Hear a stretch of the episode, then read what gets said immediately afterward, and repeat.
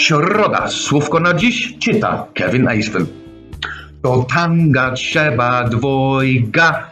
W nagraniu z 1 kwietnia, czyli nie tak dawno temu, wspomniałem o piosence Budki Suflera. Świetnie pamiętam ten refren. Dziś znów przypomniało mi się te słowa. Stały się popularne w języku angielskim i to bardzo, ale bardzo, bardzo dawno temu. W 1952 roku. Wtedy właśnie powstała piosenka It Takes Two to Tango. Wykonało ją bardzo wiele artystów, ale co to dokładnie znaczy, oprócz dosłownego przykładu It Takes Two to Tango?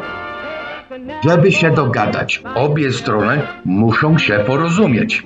Żeby się porozumieć, każdy musi trochę odpuścić. Ale anglosascy politycy używają tego określenia w sensie pejoratywnym.